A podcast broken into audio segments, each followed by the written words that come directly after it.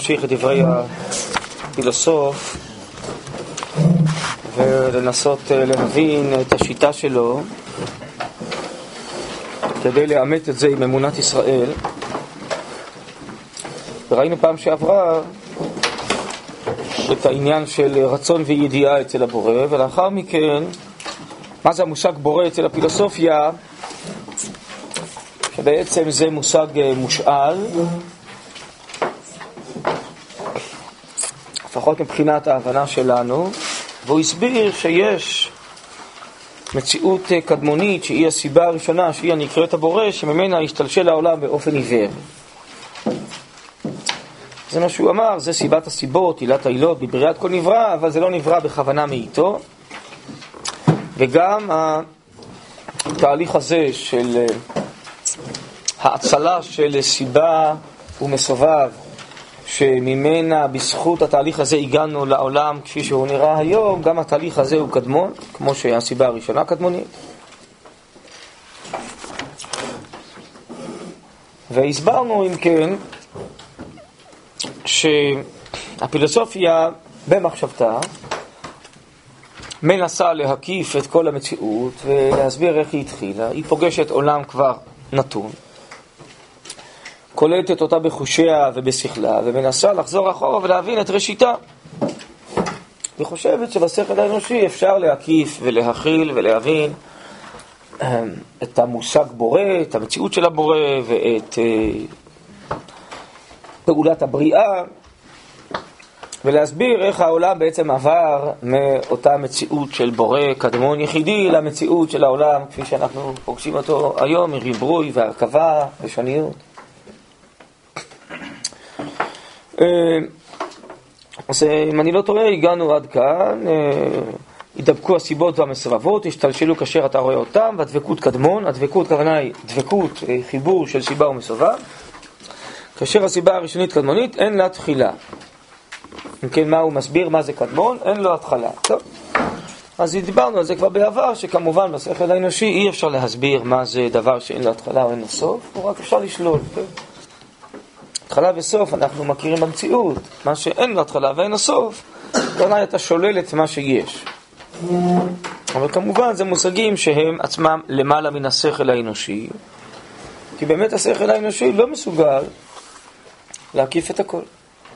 הוא עצמו חלק מן הנבראים,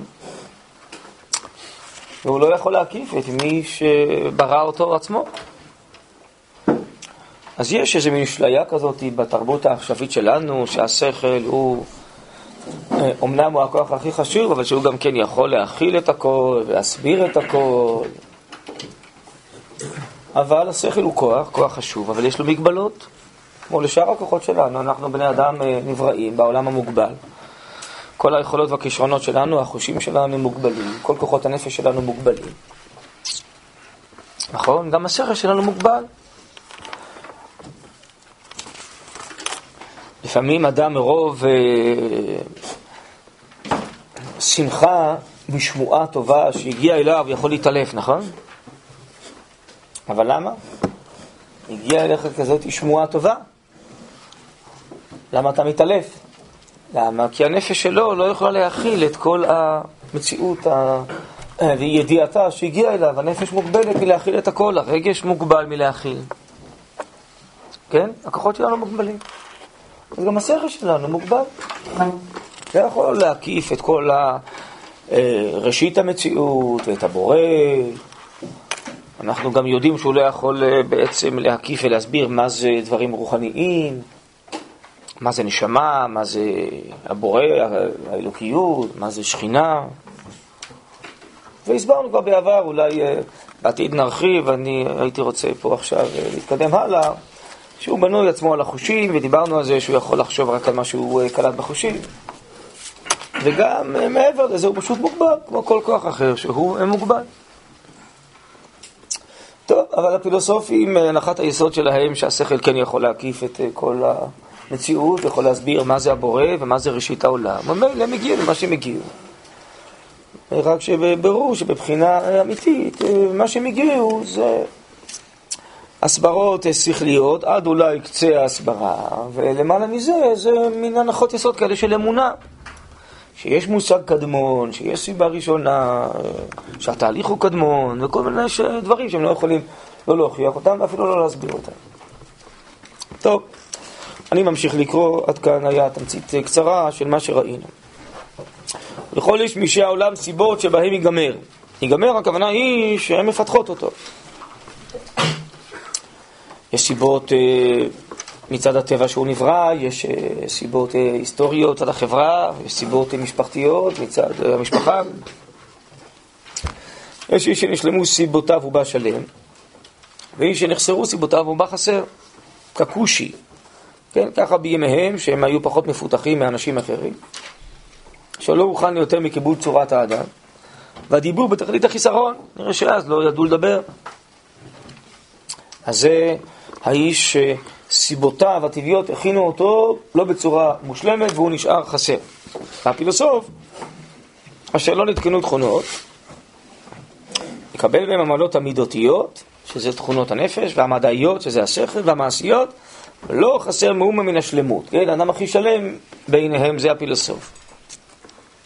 אבל גם אצלו השלמות הזה בכוח, מה שנקרא אצלנו פוטנציאל, צריך בהוצאתו לידי מעשה אל לימוד ומוסר. עד שתראה ההכנה על העניין אשר הוכנה לו, מן שלמות וחיסרון ואמצעים, דרגות באמצע, אין להם תכלית, אין להם מספר.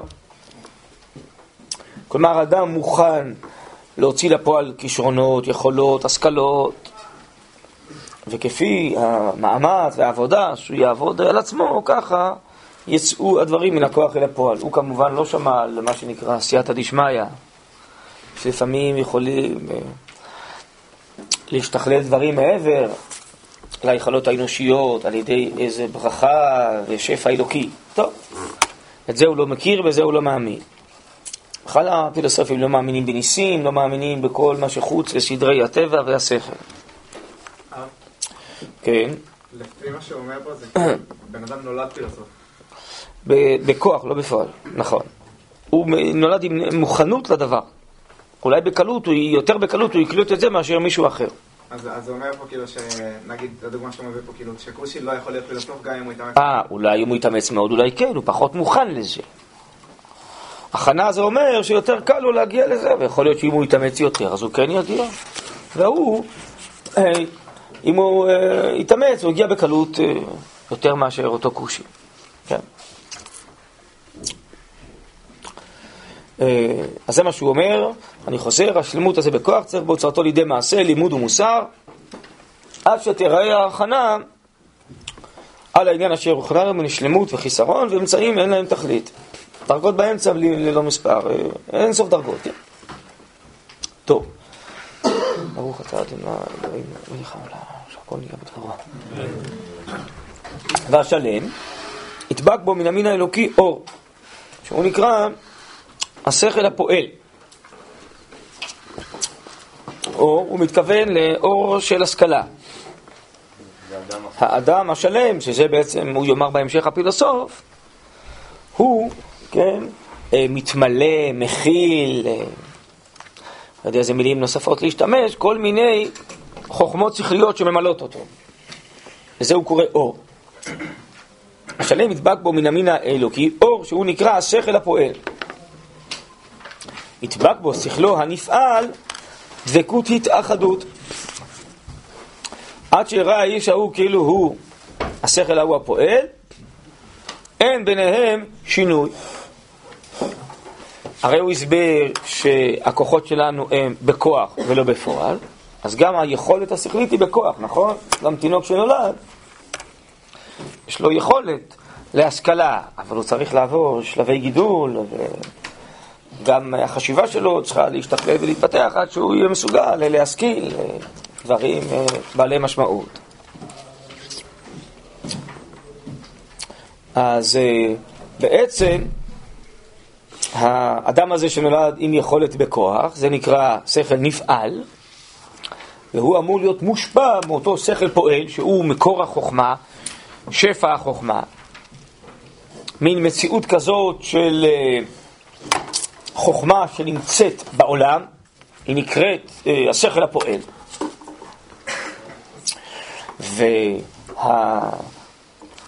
והפילוסוף, האדם אה, החושב בשכלו, הוא נקרא לזה פותח את אה, נפשו, את שכלו, לקבל את אותן השכלות מהשכל הפועל.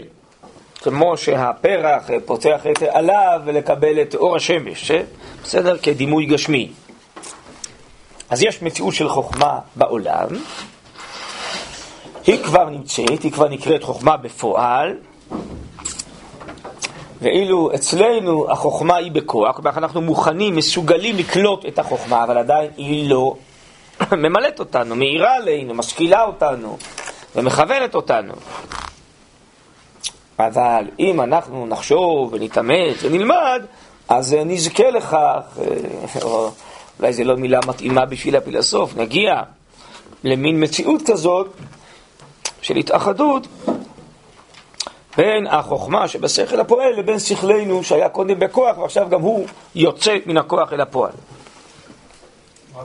רק רגע.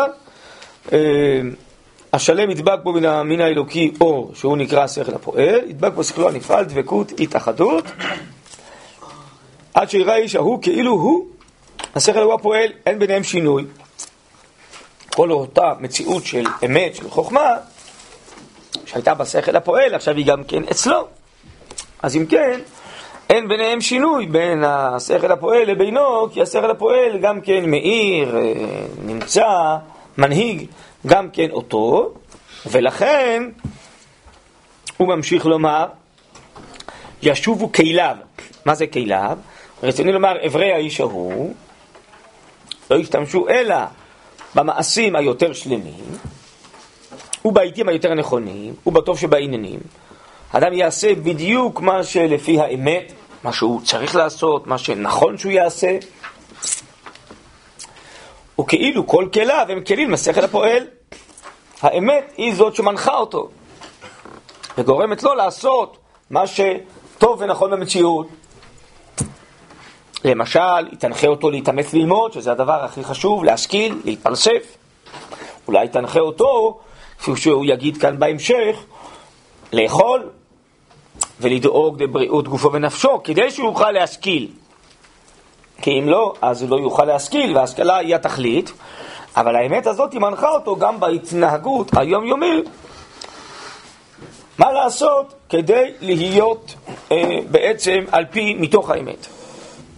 עוד פעם, ישובו כליו, רציני לומר, אברי האיש ההוא, לא ישתמשו אלא במעשים היותר שלמים, ובעיתים יותר נכונים ובתור שבעניינים. וכאילו, כל כליו הם כלים לשכל הפועל, לא לשכל ההיולי. מה זה היולי? מפעל. שהיה בתחילה משתמש בהם. היה מיטיב פעם וחוטא פעמים, וזה מיטיב תמיד. למה הוא מיטיב תמיד? כי כל מעשיו הם מתוך האמת. אז הוא עושה רק מעשים שהם נכונים לו, לא לאחרים.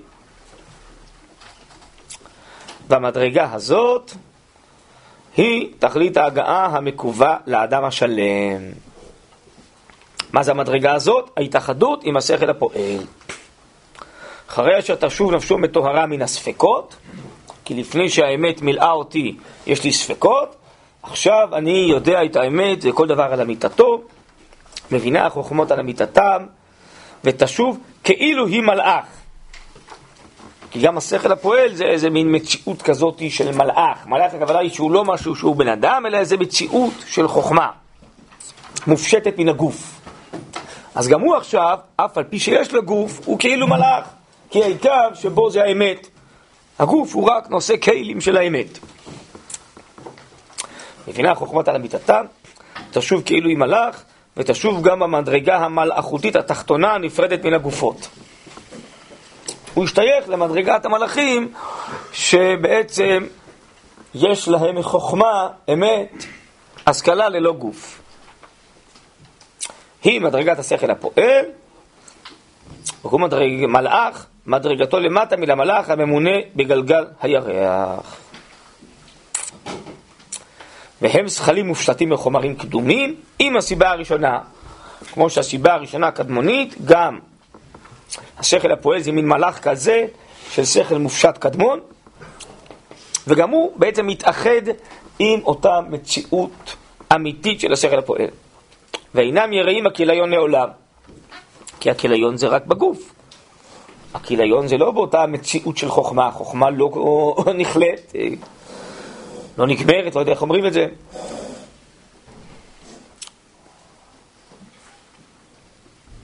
טוב, מישהו רצה לשאול משהו? כן. לא הבנתי מה זה אה, להגיע למדרגה שהאדם הופך להיות, כאילו שהשכל משלים אותו. משלים? איפה כתוב פה משלים? מה שהוא אמר שזה... שהוא צריך ל... התחברות של התמזגות, שיראה אדם כן. כן. אז מה אתה שואל? אה, גם אני לא יודע מה זה אומר. אה, לא בטוח שהוא יודע. זה אפשר להסביר על דרך השלילה, הוא לא בן אדם אנושי רגיל. הוא נהיה בן אדם כזה שבעצם מתאחד עם האמת הזאת שהיא קדמונית וגם אינסופית אין לה כיליון. הרי אנחנו לא יודעים להסביר מה זה דבר כזה שאין לו התחלה ואין לו סוף, נכון? אנחנו גם לא יודעים להסביר מה זה מציאות החוכמה מצד עצמה. אנחנו יודעים להסביר מה זה אני משכיל איזושהי חוכמה, כי כל המושגים שלנו זה לפי המושגים בעולם הזה. אבל הוא אומר, יש איזו מציאות לפני האדם שהיא החוכמה מצד עצמה. שוב, הוא uh, משער בשכלו שיש כזאת מציאות, הרי הוא לא ראה אותה ולא חש אותה ולא יכול להוכיח אותה והוא לא יודע מה היא בדיוק. מניח שיש כזאת מציאות. ואז, בעצם על דרך השלילה אפשר להסביר שהאדם לא נשאר רק בן אדם אנושי, אלא הוא מתאחד עם אותה מדרגה, עם אותה מציאות שהיא למעלה מן האדם. זה מה שאפשר לומר. מה הכוונה שהוא אומר ש... שזה יגרום לו להגיע ל... ל... מה שיש מצב שהוא יגיע למצב כזה שהוא... זה זה מה שישלים אותו. הוא יפעל מתוך האמת, הוא הסביר. מעשים שלמים בעיתים היותר נכונים, בטוב שבעניינים. אז ניסיתי לתת דוגמה, שפעולות נכונות זה אם הוא ישכיל השכלות של אמת, זה פעולה נכונה. אם הוא ידאג שגופו יהיה בריא, שנפשו תהיה בריאה, זו פעולה נכונה. אם הוא יגרום לעצמו להתרחק מן האמת, בגלל כל מיני סיבות, זו פעולה לא נכונה. כן? אז הכל יימדד ביחס לאותה תכלית שהיא להתמלא מהאמת הזאת. וזה אומר שזה רצון אלוקים? שזה? אה, שוב, המונח רצון ומונח אלוקים זה שתי מילים מושאלות. כי הרי אין לו רצון ואין אלוקים. אז השאלה היא באיזה מילון אתה מדבר איתי עכשיו. אז אני אענה לך לפי המילון שלך, אני רק... אה, תסביר לי את המילון שאתה משתמש בו, אז נתאים את המילים אחד לשני. בצורה מושאלת, כן. זה רצון אלוקים, במונחים מושאלים. כן, במונחים אמיתיים אין רצון ואין אלוקים. יש מציאות שצריך להתחבר אליה. שהכי טוב לאדם להתחבר אליה. בסדר? טוב, ואם כן. אומרים שהמציאות הזאת נגיד זה אלוקים, אז אה, בעצם זה היהדות. עוד פעם, לא הבנתי את שאלתך בכלל. לא- לא- מה שהוא אומר פה זה בעצם תתחבר לאמת, ואם תבין באמת את האמת, אז כל המעשים שלך, הרצון שלך יפעל על פי ההבנה הזאת. כן. נכון, לא, אבל... וזה בעצם מה שיקרה, לא? ומה זה האמת? אז זהו, אז העיקרון הזה של להתחבר למשהו עצה, לפיהם זה השכל, אבל אם אתה הופך את האמת לתורה ולמשהו שאנחנו מאמינים בו, אז... כלומר, אם אני אגיד משהו שהוא לא אומר, אז יהיה טוב. כי אתה מנסה כאילו לעשות שלום במרומיו, או שלום בתחתונים, להשוות בין שני, להדביק בין שני דברים שהם אינם נדבקים, אז לכן אני לא יודע מה התועלת תצמח לך מזה שתבלבל את עצמך ואותנו. אם אלוהים הכוונה היא משהו שהוא מחוץ לכל המערכת הזאת שהוא מדבר עליה, הוא יצר אותה, הוא יצר את השכל הפועל, הוא ברא את העולם, אז אלוקים זה מונח אחר, זה מונח מציאותי אמיתי, שהוא לא מאמין בכלל שהוא קיים. אז בסדר, אז באמת זה הסבר אמיתי שהיהדות מאמינה בו, אבל זה לא מה שהוא אומר. ולהגיד אלוקים גם על זה וגם על מה שהוא אומר, זה רק שיתוף השם בלבד הרי. כי מה שהוא אומר אלוקים זה כמו הדוגמה שהצבתי באחד השיעורים, להגיד שהענן ברא את הטיפות, אז הענן הוא אלוקים של הטיפות. בסדר, אתה יכול לתת לו את התואר הזה המכובד. אבל לא בגלל זה הוא יהפך לבורא הטיפות, ולמחליט איפה הם ירדו והאם הם ייווצרו. כי גם מישהו ברא אותו, את הענן הזה, את מיסטר ענן הזה. אז ממילא אתה מבין שלא הרווחנו כלום. אה, אולי אתה מתכוון לומר שיש פה יסוד אמיתי שהוא רק לא מסביר אותו מבחינה מציאותית נכון, שיש איזו אמת שצריך להיות מחוברים אליה, שאנחנו קוראים לה תורה. והאמת הזאת היא לא קדמונית כמו הבורא, אלא השם ברא אותה, כי השם ברא את התורה. התורה אומנם היא קדמונית, היא לפני העולם, אבל היא לא לפני הבורא. אז אתה יכול, בסדר, להעביר את זה למונחים שלנו. כלומר, יש אלוקים קדמון לפני העולם, הוא הקדמון היחידי, הוא ברא תורה, שהתורה קדמה לעולם, והוא ברא אחרי זה את העולם כדי שהתורה תופיע בו. ואז התורה היא האמת של העולם, משה אמת ותורתו אמת, ותפקידנו זה להתמלא ולהתדבק באותה אמת. בסדר גמור. ואז זה נכון, אבל זה, לא לגמרי, זה לגמרי לא מה שהוא התכוון. כי הכל זה הפוך, הוא לא חושב שיש אלוקים לפני העולם, כן, הוא אה, חושב שאותה חוכמה היא קדמונית כמו מה שהוא קורא לו בורא. מה שכן, צריך אה, באמת אה, לומר את השבח הפילוסופיים, לפחות אותם אלה קדמונים, שהחוכמה הזאת, האמת הייתה חשובה להם. והיה להם מה שאנחנו במרכאות קוראים לזה אצלנו מסירות נפש על האמת הזאת, היו מוכנים למות בשבילה. כן?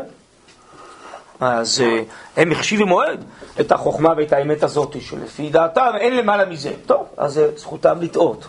אבל בכל זאת, על האמת שהם השיגו, הם היו מוכנים למסור את הנפש. כן, יש סיפור ידוע על uh, סוקרטס, שהפוך, גלילאו ויתר. גלילאו ויתר. גלילאו זה לא דוגמה, זו דוגמה הפוכה. בשביל לא למות, הוא אמר, חזר בו מהאמת. אבל סוקרטס לא ככה. סוקרטס ככה מספרים, שהוא מראשוני, הפילוסופים, אז טענו שם המשטר, לא יודע, בעירו, שהוא מקלקל את הנוער, הוא אה, עורר אותם בכל מיני מחשבות ושאלות, אז אמרו לו, או שתשתה סם המוות, ונמית אותך אם תמשיך, או שתחזור בך. אז הוא אמר, אז אה, מה הבעיה? תיתנו לי סם המוות ואני אשתה. מה בסך הכל? אתם יכולים לקחת ממני את גופי. בסדר גמור, אני אשאר עם החוכמה, החוכמה היא נצחית. קחו לי את הגוף, אני אשאר עם האמת. וככה היה, הוא שתה ומת. טוב? אז אה, זה אנשים שמאמינים שיש אמת נצחית, והם אה, בנפשם, בשכלם, מחוברים לאמת הנצחית. ולא אכפת להם, למה חושבים חיי הגוף. היום כל הפילוסופיה, יש לזה איזה שם שאני אף פעם לא מסוגל אה, לשבור את השיניים להגיד אותו, אבל ככה, כדאית בספרים, אה, פילוסופיה אה, אקסטנסיונלית, לא יודע, משהו כזה... או, או, או, נראה שאתם מומחים. טוב. בקיצור, הפילוסופיה היא פילוסופיה קיומית. הפילוסופיה מסבירים את החיים. מה זה החיים? החיים זה כמובן החיים החושיים הגופניים. פילוסופיה, פילוסופיית החיים. הפילוסופיה הזאת היא רק רגע, היא פילוסופיה מופשטת. כן? מי שנקרא תלמידו של סוקרטס, אפלטון, הוא דיבר על עולם המחשבות, החוכמה, עולם האידאות, יש מציאות כזאת.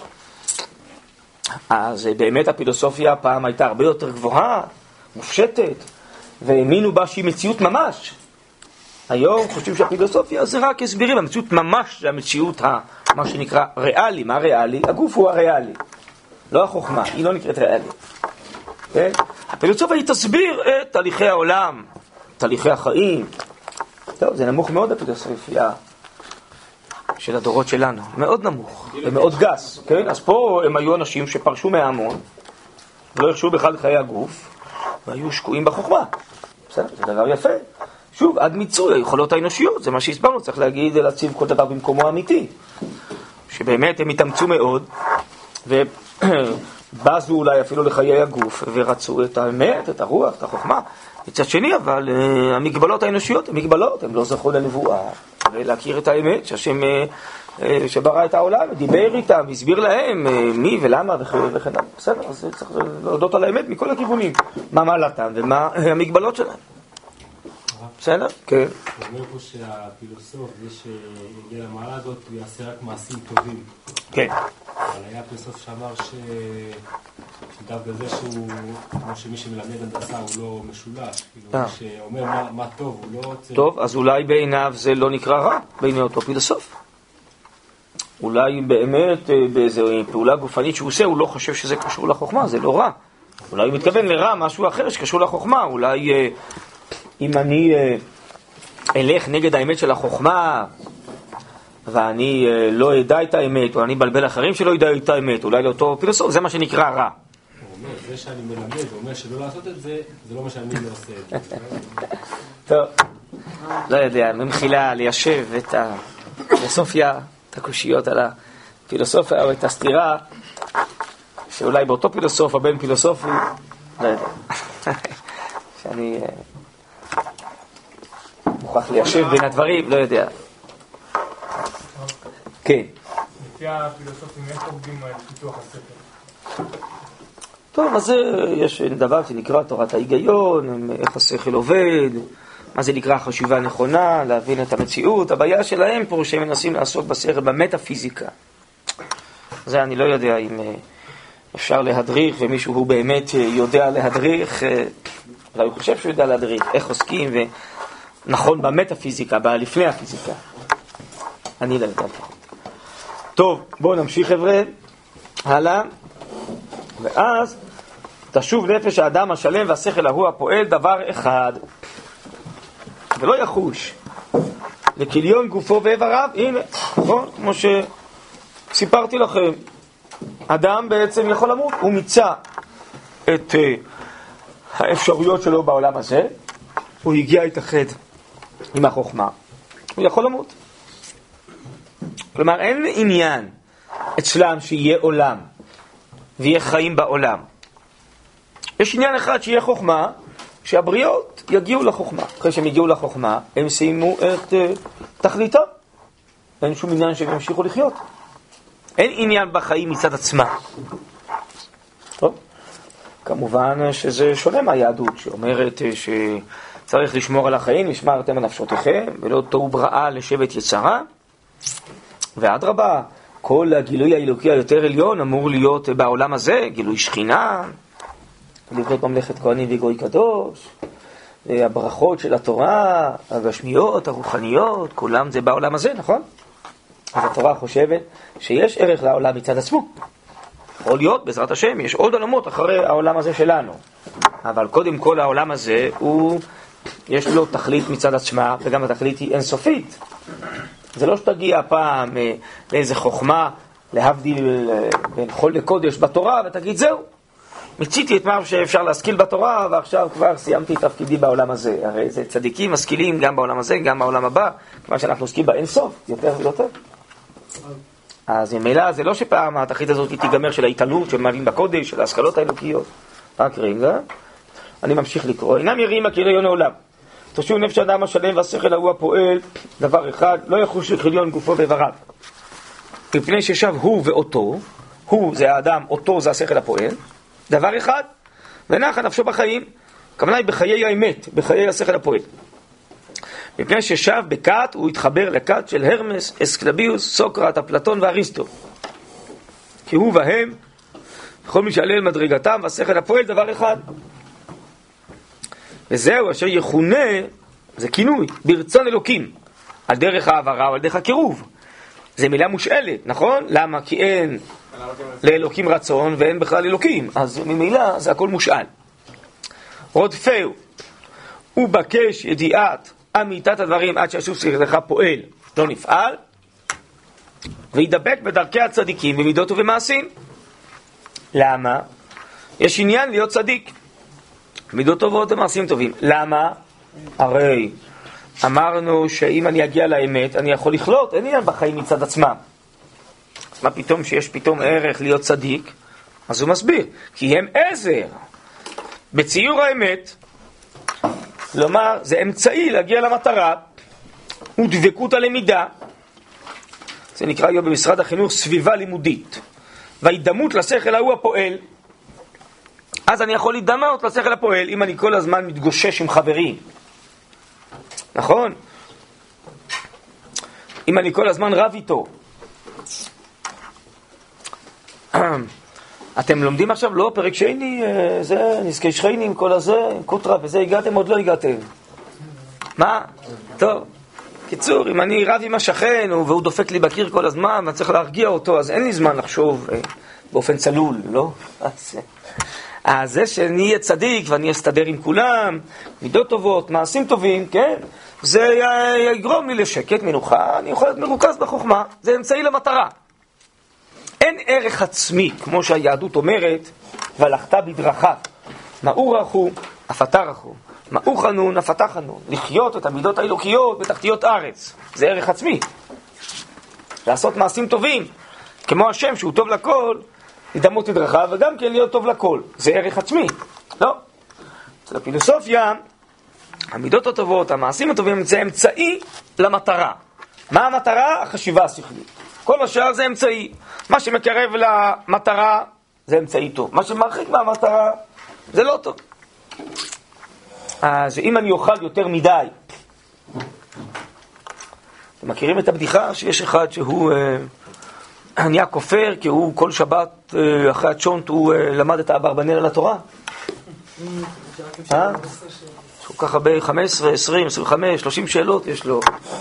ואחרי הצ'וט, מי יכול לקרוא כך הרבה שאלות? עד שהוא הספיק לגמור את השאלות, הוא נרדם. שאר כמעט שאלות ובלי התשובות. טוב, אז אם כן, אם הכרס מלאה, כל מיני מאכלים מהבילים, הוא לא יכול לחשוב צלול. אז אל תאכל כאלה מאכלים מהבילים. כן, אה, לא תוכל להשיג את האמת, אבל זה רק אמצעי, זה לא ערך עצמי, בסדר? זה אמצעי למטרה.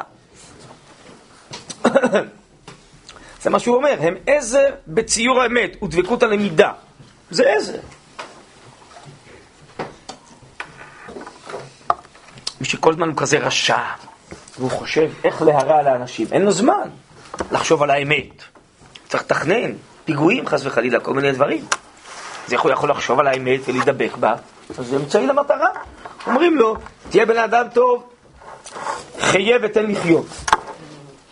לא תפריע לאף אחד אחר, אף אחד לא יפריע לך, כולם יוכלו לשבת בשקט ולחשוב על האמת ולהתעלות אליה, בסדר?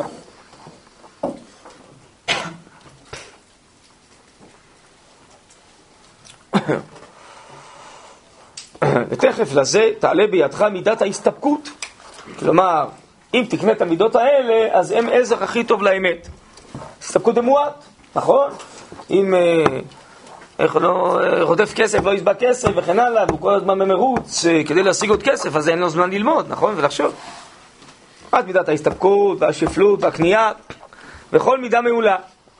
עם ההגדלה לסיבה הראשונה, שתעריץ אותה, תחשיב אותה ותרצה להשכיל את ההשכלות ולקבל אותה ממנה, לא כדי שיוכנך רצונו, כי הרי אין לו רצון, לא מאסרים עליך קצפו, אבל בעבור ההידמות אל השכל הפועל, מבחינת האמת. וסיפור כל דבר במה שהוא ראוי לו ועמלתו כאשר הוא. אלה הם מידות השכל, שהשכל יודע להגדיר, להסביר כל דבר כפי מה שהוא, כפי אמיתתו. טוב, קיצור הכיוון ברור, שכל החיים זה אמצעי לחשיבה. החשיבה תביא אותך להתמלא מן האמת, ואז אתה יכול לחיות כי מיצית את תפקידך בעולם. בסדר? וכאשר תהיה על התכונה הזאת מן האמונה, אל תחוש. מה הכוונה אמונה? אמונה הכוונה היא אה, פילוסופיה, כן? כתוב שהוא פנה לפילוסוף לשאול אותו על אמונתו. אמונתו הכוונה היא מה השקפת העולם שלו על החיים.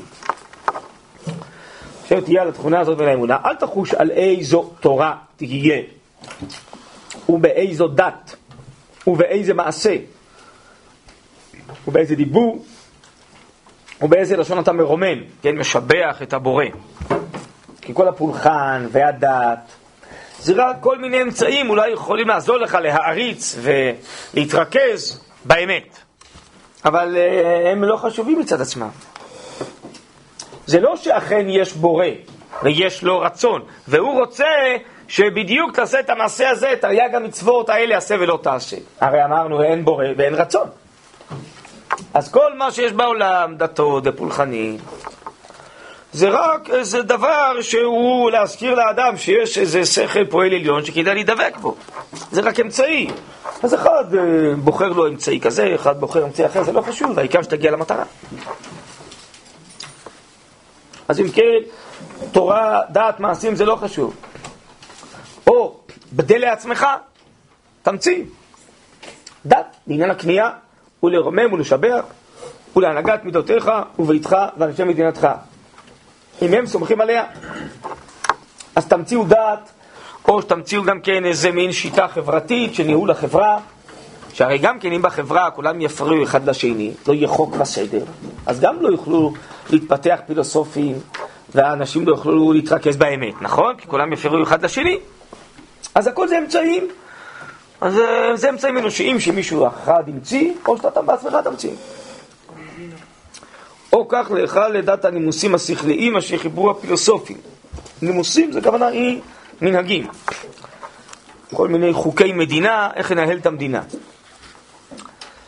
כלומר, או שיהיו חוקים דתיים, או חוקים, מה שנקרא, פילוסופים חילוניים, אבל העיקר שהחברה תתנהל בנחת ואפשר יהיה לעסוק במחשבה. ושים מגמתך וכוונתך זוך נפשך. זוך נפשך, הכוונה כדי להגיע לאמת, לחוכמה. וכללו של דבר הוא מסכם, בקש זוך הלב. באיזה אופן? לא משנה באיזו דרך, כן? שייתכן לך, אחרי שתבין כללי החוכמות על אמיתתם. ואז תגיע לבקשתך, ותני לומר, הידבק ברוחני. ותני לומר, השכל הפועל. אפשר שינבא אותך, ויודיעך עתידות בחלומות אמיתיים ומראות נאמנות. טוב, אז קודם כל, עצם המהלך אה, שבעצם הוא מסכן את שיטתו, והוא מגיע למה שנקרא אצלנו נפקמינות מעשיות, שהעיקר זה השכלת האמת, וכל השאר זה אמצעים להגיע לזה, שזה לא חשוב איזה דרך ואיזה אמצעי.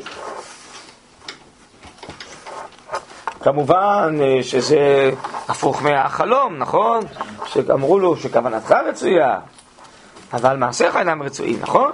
והוא נתבקש בחלום למצוא את המעשה הנרצה. פה בכוונה מדגיש רבנו יהודה לוי שלפי הפילוסופיה זה הפוך, הוא אומר לו העיקר זה זוך הלב, העיקר זה מגמתך וכוונתך, המעשים לא חשובים. כמובן שזה הפוך מהחלום. אבל אולי עוד נתעכב על המשפט האחרון שהוא קצת טעון באור. אפשר שינבא אותך ויודיעך עתידות בחלומות אמיתיים ומראות נאמנות. מה הכוונה ינבא אותך נבואה? הרי הפילוסופים לא מאמינים בנבואה. כי נבואה, בשביל זה צריך להאמין בכמה דברים שהם לא מאמינים. א', שיש בורא מעל כולנו. ב', שהוא מכיר אותנו ויודע אותנו. ג' שהוא רוצה להתחבר אלינו, לדבר איתנו, אה, לגרום לכך שנדע כל מיני דברים, נכון? אבל אין בורא ואין לו רצון ואין לו ידיעה, אז מה הוא מתכוון נבואה? אבל האמת היא שזה מתבהר כאן בהמשך, אולי אני יכול רגע אחד אה, לקרוא איתכם אה, בסימן פ"ז, כאן במאמר הזה.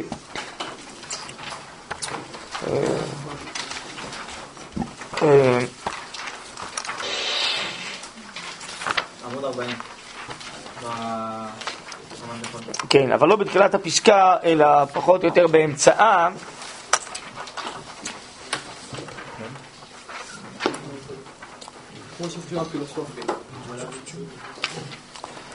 כן. בא לפני זה טיפה, האמינו העם מן היום ההוא, כי משה, מדובר בו בדיבור התחלתו מאת הבורא, דהיינו, משה באמת, הוא קולט דיבורים אלוקיים, לא קדמה למשה בו מחשבה ולא עצה, אלא זה, זה לא בגלל איזה מאמץ אנושי, זה איזה שפע אלוקי של השכלה שחל עליו. וזה מה שעם ישראל מאמין, אומר הבן יהודה לוי, החבר, שונה ממה שמאמינה הפילוסופיה. שלא תהיה הנבואה כאשר חשבו הפילוסופים מנפש. יזדככו מחשבותיה ותדבק בשכל הפועל. הנקרא רוח הקודש ובגבריאל וישכילהו. אפשר שידמה לו בעת ההיא, בחלום הבן שינה וקיצה, שאיש מדבר עמו ושומע דבריו, בנפשו לא באוזניו, ורואה אותו במחשבתו לא בעיניו, ואז יאמר כי הבורא דיבר בו. זה מה שהפילוסופיה מסבירה על נבואה. ושרו אל הספרות במעמד הגדול ההוא, שזה במעמד הר סיני. כי ראינו שיש מציאות אלוקית שהשם מדבר עמנו. אז אם כן, מה זה נבואה אצל הפילוסופיה? זה בעצם איזה מין, מה שנקרא בפסיכולוגיה, אוטוסטגסטיה, דהיינו, שאדם מדמיין בתוך עצמו משהו, שמישהו מדבר אליו. לא באמת יש מציאות של בורא, ומציאות של בורא שרוצה ומכיר אותך ומדבר אליך, הרי זה הפוך מכל הפילוסופיה. אלא אדם בחלומו, בין שינה ויקיצה, הוא חולם, הוא מדמיין שמישהו מדבר אליו ומורה לו. כן? החוכמה כאילו מדברת עליו? ככה, כן, הוא אה, מדמיין, ככה הוא אה, רואה בחלום. זה המוח שלו מתגלה אליו, כאילו. הוא לעצמו. אמרתם, אמרתם, אני לא יודע, אני רק קורא מה שכתוב פה. אפשר שידמה לו בעת ההיא בחלום, או בין שינה ויקיצה, שאיש מדבר עמו, ושומע דבריו בנפשו, לא באוזניו, רואה את המחשבתו, לא בעיניו. אז יאמר כי הבורא דיבר בו. ככה אומרים הפילוסופים. כלומר, לא באמת יש נבואה שמישהו מדבר אליו, אלא ואילו כל זה, הזיה כזאת? כל זה, כן, אבל זה נובע מהמוח של עצמו. כנראה. כל זה התברר בהר סיני כבעצם טעות, או אולי גם זה קיים, אבל יש נבואה אמיתית, שיש השם, ויש לו, שמענו קולות, והשם דיבר איתנו. זה התברר לעם ישראל שיש משהו הרבה למעלה מזה, שכמובן עם ישראל זכה לזה, לא זכו לזה הפילוסופים. תודה. בסדר, אז אם כן אני חוזר למשפט הזה אצלנו, אני חושב שזה מבאר קצת יותר את המשפט הקצר הזה. אפשר שינבא אותך ויודיעך עתידות בחלומות אמיתיים ומראות נאמנות, זה המונח נבואה, חלומות אמיתיים זה מה שהוא תיאר בסעיף פ"ז. אולי עוד הערה, למה חשוב לו לומר את זה? כי המלך קיבל חלום. או, כנראה בגלל שהוא סיפר לו. שהוא עצמו קיבל חלום, ואמרו לו כל מיני דברים בחלום. אז אם כן, הוא סוגר את דבריו, שגם החלום שהוא קיבל מסתדר טוב בתוך התיאוריה הפילוסופית. שאנשים שמנסים להידבק בבורא לפי דעתם, יש להם כוונות טובות, כמו שהיה למלך כוזר, ככה מסופר בפתיחה, הם זוכים לאיזה מין אה, חלומות כאלה בין שינה ויקיצה, שמישהו מדבר איתם, אז זה כנראה שזה בדיוק מה שקרה לך. ואז זה בדיוק מאשר גם את התורה הפילוסופית, שאתה אולי בכיוון הנכון לפי הפילוסופיה. בסדר? אז זה ככה, הוא מנסה גם להגיד לו את הפילוסופיה וגם להכניס אותו תחת שרביט הפילוסופיה. בסדר? בואו נראה עכשיו מה יענה מלך כוזר לפילוסוף, זה הסעיפים הבאים. הוא בעצם ישאל אותו כמה שאלות, או יקשה עליו כמה קושיות, ודבריו של הפילוסוף לא יספקו אותו, הוא לא יחשוב שהתיאוריה שלו מסבירה לו את החלום ומה שעובר עליו, הוא ימשיך לחפש. כן. לפי הפילוסופיה איך אתה יודע שאתה מגיע לאמת? כל אומר תמיד שאתה מגיע לאמת, אתה יכול להראה שאתה מגיע לאמת. איך אתה בכלל יודע שיש אמת? בעצם להגיע לאין סוף. מה זה אין סוף? לא לא. הגיע משהו שהוא למעלה אולי ממה שאתה הכרת עד היום כסוף. משהו שמספק אותך? לא, זה יכול זה יכול להיות כל אחד לפי מדרגתו להגיע לאמת. כן, יכול להיות. הוא טוען שיש איזו אמת אובייקטיבית שנקראת השכל הפועל. שאלה טובה אתה שואל. איך יודע אותו מתפלסף שהוא כבר הגיע לאותה אמת של השכל הפועל ולא לאמת סובייקטיבית שלו? לא יודע. כנראה, יש אמונה כנראה, הוא מאמין. לא יודע להסביר. לשיטתם של הפילוסופיות, לא יודע. היו כאילו הרבה פילוסופים אחד אחרי השני, וכל אחד סתר את השני או פיתח את התיאוריה של השני, אז ברור שהשני לא הגיע לרמה של זה שבא אחריו. לא יודע, מי אתה יודע, אולי אחד טעה ואחד צדק. אבל אם יש לך חטא ואחד צדק, אז לא יכול להיות שיש משהו אובייקטיבי. למה? אותו אחד שצדק, הוא כלל האובייקט. והשאר הם לא כלו למטרה, מי אמר לך שלא? כי כי הם אה, הפריחו אחד את השני. ב- ואז מה? אתה חושב באמת שאפשר להפריך אחד את השני בצורה מוחלטת? איך אפשר להפריך? הרי כל פילוסוף בונה את אה, דבריו על הנחות יסוד, מה שנקרא אקסיומה. אקסיומה זה דבר שאי אפשר להוכיח. כמו שפה ניסיתי להסביר שגם התיאוריה של אריסטו הזאת היא בנויה על הנחות יסוד. שיש מושג שנקרא קדמון למשל, אף על פי שהוא לא יודע להסביר מה זה. ושממילא הסיבה הראשונה אה, קדמונית. טוב, זו הנחת יסוד, אי אפשר לא להוכיח אותה ולא להפריך אותה. יש איזו אשליה אופטית שאפשר להוכיח דברים. דברים שאינם נמדדים באופן אמפירי בחושים. וככה אני חושב כל בן אה, שגדל היום בעידן המודרני, הוא יודע, בטח, יש פילוסופים, יש מדענים, יש חכמים, יש הוכחות, מה שהוכיחו זה קיים, מה שלא הוכיחו לא קיים. זה אולי נכון במדע של החוש, שאפשר לבדוק את זה כניסוי אמפירי, מה שנקרא ניסיון. אבל כשעוסקים במהויות, באמיתות, שעוסקים בדברים נשגבים למעלה מן החושים, כמו שנקרא פה מטאפיזיקה, למעלה מן הפיזיקה, אפשר להוכיח משהו? אתם רוצים לעשות ניסיון? תרגיל? מה? אפשר לבנות אקסיומות. אקסיומות לא בונים, זה הנחות יסוד, זה אמונות. זה אמונה, הנחת יסוד. אקסיומה זה אמונה, לא בונים אותה. אקסיומה הופכת לאמת כשמספיק אנשים מאמינים. כן, זהו. כלומר, זה משהו סובייקטיבי. זה לא באמת שזה אמת. לשכנע הרבה אנשים להאמין בישו, זה הופך את ישו לאלוקים. אתם לא מאמינים למה שנכון, אתם לא מאמינים, אין לכם אמונת חכמים. טוב, אני לא חכם. אתם לא מאמינים מה שאני אומר לכם שאי אפשר להוכיח, נכון? נכון. ברור, מה, יש הוכחות, לא, כל דבר יש לו הוכחות, ככה כל אחד משוכנע היום, לא? כל אדם גדל עם זה, הוא נושם את זה מרגע לידתו היום, בעולם שלנו, בתרבות היוונית האופפת אותנו. כל דבר אפשר להוכיח, לא? כן. כמו שהרב אמר קודם, שהפילוסוף מדגיש לו שהעיקר זה הכוונה. כן. אני רואה- שהוא אומר פה שהוא יגיע לשכל הפועל ההוא, אז הוא יגיע לענווה והכמיהה יגיע למידות לא, לא, אתה לא, אתה קורא את זה במונחים שלנו. תכף הכוונה היא שבעצם אה, בזכות המידות האלה הוא יגיע, כן? זה הכוונה. זה הסיבה, זה לא התוצאה. זה צורת כתיבה.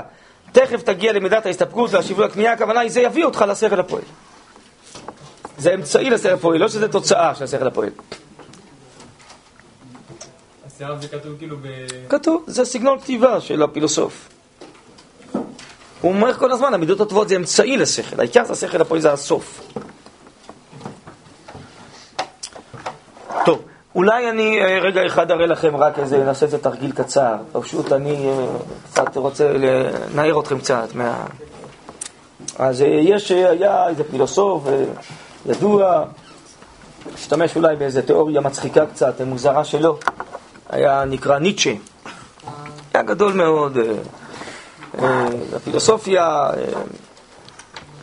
אז אה, אם כן, אני סתם איזה מין אה, משהו אה, כזה זעיר שלו,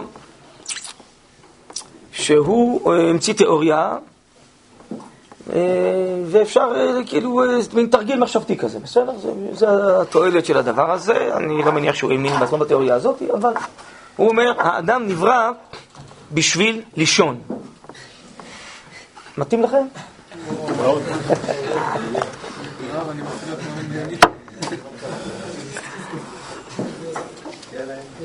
בבקשה, תנסו לפרוח את התיאוריה הזאת.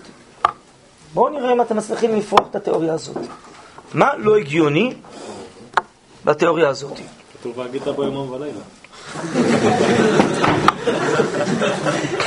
הפילוסופיה והגיטה הוא בתורה. אני אסביר לכם איך אפשר להצדיק את התיאוריה הזאת. האדם צריך להיות אה, בריא, ולאכול טוב, ולעשות התעמלות, ולשמור על בריאות גופו. למה? כי מי שחולה, לא נוח לו לישון, יש לו כאבים, יש לו זה. אז כל החיים אנחנו יכולים לסובב כדי שבלילה הוא יישן טוב. למה יש עקיצה? לישון. איזה מין קושייה זאת. איזה מין קושייה, ואם יש מצווה ללמוד תורה, אז מה, אז למה הולכים לישון? זה לא קושייה, השם ברא עולם מוגבל. רק רגע, והאדם, אה, הוא צריך הרבה לעבוד קשה ולהתאמץ, למה? כי... אה, זהו. אז הוא נהנה מהשינה. נכון? הוא יוכל לה- לעייף. אז אה, השינה היא מתוקה מאוד, מתוקה שנת העובד, לא? בקיצור, אני מסובב את הכל פשוט הפוך 180 מעלות, אני הופך את הכל, ואני מסביר את הכל בצורה הגיונית. בבקשה, עכשיו תפרחו את זה בהיגיון האנושי, נסו לפרוח את זה. אני לא הצלחתי עד היום, אולי אתם תצליחו. כן, אפשר לפרוק את התיאוריה הזאת בדרך השלילה. כן. התיאוריה הזאת אומרת שהאדם נברא בשביל לישון, הכי חשוב בעולם שאדם יישן. בסדר, בוא נלך עם זה האדם יישן, אבל אה, חשוב שאדם יישן, אז צריך גם שיהיו לו ילדים שישנו. כי אם כולם ישנו לו ילדים, ואז העולם ייגמר ולא יהיה מי שישן. כן, נכון. בשביל זה צריך ללדת ילדים. צריך ער בשביל להביא ילדים. נכון. אז התיאוריה שהכי חשוב לישון, מביא לידי כך שחייבים להיות ער בשביל לעשות ילדים. בסדר. אז זה סותר את עצמו. למה? למה? אני לא מסכים. זה כמו שהוא אמר קודם. לא מסכים. לזכות עוד ילדים שייהנו מהשינה. אם אדם לא יהיה ער, הוא לא יוכל להביא ילדים, אז הם לא יכולים לזכות לשינה מתוקה. סובבנו את הכל, רבותיי, הכל בסדר. סובבנו את זה פשוט. נו, בבקשה. זה לא יעזור, אי אפשר לפרוח את זה, כי זה בנוי על הנחת יסוד, כמו כל גיאומטריה או מתמטיקה, שכל המשפטים וההוכחות בנויים על הנחת יסוד. אם היא נכונה, אם היא מקובלת, כל מה שבנוי על זה הוא בסדר, הוא מקובל.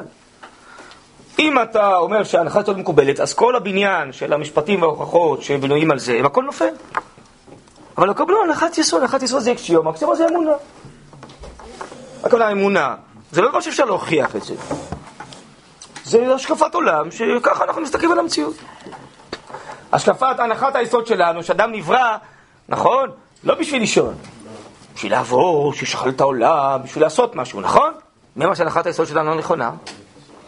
אפשר להוכיח בפילוסופיה האנושית שהשקפת העולם שלנו נכונה. הנחת היסוד של רוב בני אדם הנורמליים בעולם, שהם לא נבראו בשביל לישון, אלא בשביל לעשות דברים חשובים. מי קבע שזה חשוב והשינה היא לא חשוב? זה, הנחת יסוד. שכל בני אדם, אה, רובם לפחות, ככה הם מגדירים לעצמם. ואז, ממילא, מעט שנות, מעט תנומות, אומר שלמה המלך, כן, ומשכם אברהם בבוקר, בואו נעשה דברים חשובים, בואו נשכלל, בואו בוא נבזבז את החיים על שינה. אבל זה לא הנחת יסוד. ממילא כל מה שאני אומר זה הגיוני וכן הלאה, בהתאם להנחת היסוד. אבל אם שיניתי את הנחת היסוד, אז כל מה שאני אומר בהמשך זה הגיוני מאוד. לכן הגמרא אומרת שזה דבר, השכל הוא דבר הפכפך, הוא כלי, הוא עוצמה מאוד אה, גדולה וחשובה, אבל הוא כחומר ביד היוצר. השכל הוא תלמיד קטן של האמונה, כותב הרב קוק. האמונה יכולה לשחק בשכל. והשכל יכול, אומרת הגמרא, לטהר את השרץ בק"ן טעמים. תסתכלו היום, תסתכלו, אנשים שרוצים להצדיק משהו. הם מוצאים הסברות שכליות, הגיוניות להצדיק, אפילו רציחה, כל דבר. יש איזה מחקר איזה חוקרת בארצות הברית, היא אה, מראה שמונה שלבים במחקר שלה, איך לא רק אפשר לגרום לאנשים באופן הגיוני להצדיק כל מיני דברים מרושעים ואכזרים, אלא איך אפשר להביא אותם שגם ירצו את זה וישלימו עם זה נפשית. היא מראה שמונה שלבים, איך אפשר לשכנע אנשים שהם יהיו קניבלים ויאכלו בשר אדם. היא אומרת, זה לא בעיה, היא אומרת ככה עבדו הגרמנים. שכנעו אנשים שהכי נכון, הכי מוסרי, הכי טוב לעולם זה לרצוח את היהודים. והם שכנעו אותם אה, שכלית, נפשית. אחרת הם לא היו, אה, אחרת הם היו מסרבים לפקודות. אבל אפשר לשחק בשכל האנושי של האדם ולשכנע אותו לעשות הפוך ממה שהוא חשב עד היום. זה פשוט אה, אימון כזה, זה תרגילים, הם עשו, הם עבדו הרבה מאוד. הגרמנים בפסיכולוגיה למפקדים והחיילים שלהם, יש הרבה ספרים שמסבירים את זה. אז לכן זה דבר גם כן, הוא כחומר ביד היוצר. אז היא מראה באיזה מחקרים של היום, היא מראה בדיוק את שמונת השלבים של התפתחות השכל והנפש האנושי, איך אפשר להגיע שאנחנו בסוף גם נפעל, נעשה דברים הפוכים ממה שעד היום האמנו. אז לכן אני לא כך מתפעל מכל המילים האלה היום, תוכיח לי, זה, המדענים, הפילוסופים הוכיחו, אמרו, טוב, בסדר, בואו נשים את זה בפרופורציה, הם הוכיחו את זה לפי הנחות היסוד שלהם. אז זה מאוד מוכח, וזה מאוד הגיוני, וזה מאוד uh, טוב. בסדר גמור, אבל מי אמר שהנחת היסוד שלהם או הנחות היסוד שלהם נכונות בכלל? כמו למשל, אה, הנחת יסוד היום, של נראה לי כל ה... רוב התרבות האנושית, מה שנקרא המדעית, האקדמית, התרבותית, שבעצם מה קיים? רק מה שרואים בחושים. היום לא מאמינים במה שאריסטו אומר, יש חוכמה פועלת, שכל פועל, מלאכים. מה זה? אם אריסטו היום היה בא נותן איזה הרצאה באיזה פקולטה חשובה, היו צוחקים אליו. מה אתה עוסק במיסטיקה? מלאכים, גלגלים, שכל פועל, היו צוחקים עליו, לא? אנחנו בעולם ריאלי היו אומרים לו. מה שקיים זה רק הגוף שרואים אותו. החושים, מה שנתפס. מה שלא אה, רואים לא קיים. זה הזויות, מיסטיקה, מדע בדיוני. זה, זה כל ה... זה הנחת יסוד, שמה שאני לא רואה, מה שאני חושב, לא קיים. זה הנחת יסוד, מי אמר שזה נכון? כולם חיים את זה. כולם אומרים שזה נכון. ממילא לפי הנחת היסוד הזאת, במרכאות תרבותי, אז אין אלוהים, ואין קדושה, ואין נשמה ואין שכינה, כי לא רואים את כל אלה בחושים. בסדר, אז מה? אז היהדות היא בעצם כופרת, היא כופרת בכל הנחות היסוד האלה היווניות, והיא מאמינה שיש גם דברים שלא רואים בחושים. ועוד יותר מזה, היהדות החוצפנית סוברת שמה שלא רואים בחושים יותר חזק, יותר ריאלי, יותר נצחי מאשר מה שרואים בחושים. כי הגוף קלה ועובר, אומות העולם עוברות מן העולם. נצח ישראל הוא נצחי, קדוש לעולם קיים. הרבה יותר חזק, ריאלי, מציאותי, במציאות האמיתית, מאשר כל מה שנתפס בחושים. זה רק כלים לאחל את האמת, לאחל את האלוקיות. סליחה, לאחל את הקדושה. הכלים מתחלפים, משתנים. המציאות היא האמיתית, האלוקית, היא הנצחית. כן? אז היהדות יש לה הנחות יסוד אחרות. הנחות יסוד מתוך האמונה. בהסבר הוא, המשך הספר, הוא יסביר לנו שהנחות היסוד האלה נגלו לנו מיציאת מצרים בהר סיני ואילך. שיש אלוקים, ויש תורה, ויש תכלית לעולם, ויש קדושה, ויש התעלות, ויש נשמה, ויש נבואה, ויש נישים. כל מה שהפילוסופים, אה, מה שראינו פה בתמצית השיטה של אריסטו, הם כופרים בזה. כי מבחינתם, אה, כל ההשכלה זה רק להשכיל את המציאות שקלטנו בחושים, וזה הנחות היסוד שלו. רק מה שקלטנו קיים, אבל הוא עוד קצת עוד יותר אה, נעלה מהפילוסופיה של אה, היום, כמו שהזכרתי. הוא מבין שמה שקיים היום התחיל מדברים יותר נשגבים נאצלים שלא נקלטים בחושים. שהוא, אה, תיאוריה שלו אומרת שהם קיימים, אבל בלי שהוא באמת לא רואה אותם בחושים.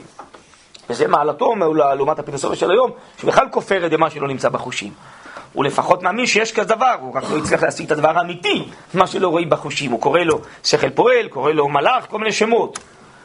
לא באמת מגיע להיכרות האמיתית עם הבורא, כי אי אפשר להגיע מהשכל האנושי להכיר את הבורא. אבל לפחות הוא מאמין שיש דברים נאצלים מעבר לחושים. גם היום, גם בזה לא מאמינה. ודאי לא אנשי המדע, התרבות. אז אה, אני יודע שאלה מושגי יסוד שהיום אה, נמצאים אצל כולנו. ולכן אה, זה לא מספיק רק אה, להיות אדם דתי היום, שומר מצוות. זה אנחנו צריכים, כמו שהוא מנסה לעזור לנו פה לגייר את המושגים שלנו. הרי הספר הזה, מי שבא להתגייר, זה נכתב לעם ישראל, אמרנו, נכון? אה, עיקרי אמונת ישראל ותורה תלויים בו, אז אנחנו כנראה צריכים לגייר את המושגים שלנו. שיהיו מושגים יהודיים, אמוניים, אותנטיים, ולא כל מה ששאבנו מהתרבות של היום, שהיא כבר מאות שנים נמצאת באיזה עידן כזה של יסודות יווניים. בסדר? אז אה, לכן אני ככה קצת מרחיב בזה. אז אה, שוב, להוכיח דברים, אה, מה שנקרא, שנתפסים בחושים, זה בסדר.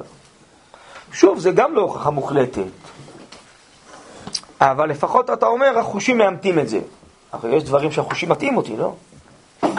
טוב, אבל לפחות בכלי המדידה הכי טובים שיש לי, שזה החושים, קלטתי דברים.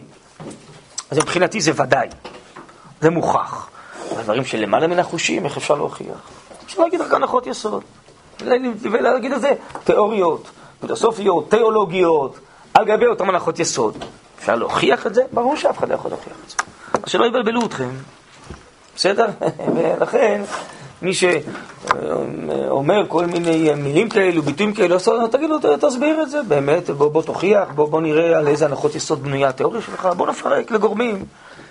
לעיתים איזה מילים מפוצצות שלך, בוא נפרק לגורמים ותסביר לי על מה זה בנוי התיאוריה, איך הגעת לזה, כן, מה הנחות היסוד שלה, מה הפיתוח שלה, בוא נראה, הנחות היסוד שלך מוכחות, לא מוכחות, צריך לבדוק כל דבר בענווה, בדיקה עניינית, אז הם פשוט מגלים את שורשי כל דבר. ככה צריך להתרגל בחיים, לבדוק כל דבר עניינית. לבדוק לא רק את מה שתוצאות, מילים יפות שיוצאים, אלא את שורשי הדבר, מאיפה זה מתחיל, ואז רואים באמת אה, מאיפה מתחיל. בסדר? טוב, אז אה, רק אה, פה ניצלתי את ההזדמנות, כן. אפשר נראה אבל להפריך את זה ש... ש- אה, אתה עוד לא ויתרת על ניטשה? לא, לא, לא נמצא. אלא? לא, לא, מבחינת המדע, שרק מה שקולטים לא חושבים קיים. נראה כן. לי שאפשר להפריך את זה כאילו כן. טוב. ניקח נגיד אה, כסף, שטר של כסף, בחושים אנחנו קולטים שהוא דף נייר שלא שווה כלום, אבל אה, אנחנו נותנים לו ערך, כאילו, הבנתי. טוב. יש יש לו כוח, כאילו... יש ערך לדבר מעבר למימד החושי שלו, טוב? יש הרבה דברים כאלה. כן. חברות שנסחרות בבורסה, החברה עצמה לא קיימת, כאילו. כן. היא בדמיון שלנו, אנחנו סוחרים ב- ב- בכלום בעצם, אבל עדיין אנשים מתייחסים לזה, כאילו זה... לא כאילו, כי זה זה אמת, אבל... האנשים האלה שיוצרים את האמת, זה לא... כן, אבל זה מסוכן מה שאתה אומר, כי אז יכול להיות שהכל באמת זה כזה אוטוסוגסטיה, הכל זה בכאילו, כמו שאומרים היום, הכל זה סובייקטיבי, בכלל אין מציאות של אמת. זה הכל בני אדם, אה, מה שהם אה, מדמיינים, מציירים, זה האמת. ויש לא מעט פילוסופים שבאמת נשאלו, אז מה זה אמת? הם הרי לא קיבלו נבואה מן השמיים, שהתגלה למים מדם, שואלים את עצמם, באופן כנה, אז איך אני יכול להגיד מה זה אמת? או מה זה מוסרי? אז הם אומרים, מה שכולם מגדירים כאמת, זאת האמת. מה שכולם מגדירים כמוסר, זה, זה מוסר. אבל אה, אתה יודע, בגלל שיש לנו את האמת האובייקטיבית שלנו. טוב, אז בסדר, אז חוזרים לאמונה, אבל אתה ניסית להסביר את זה על דרך השכל, או על דרך היכולות האנושיות להסביר.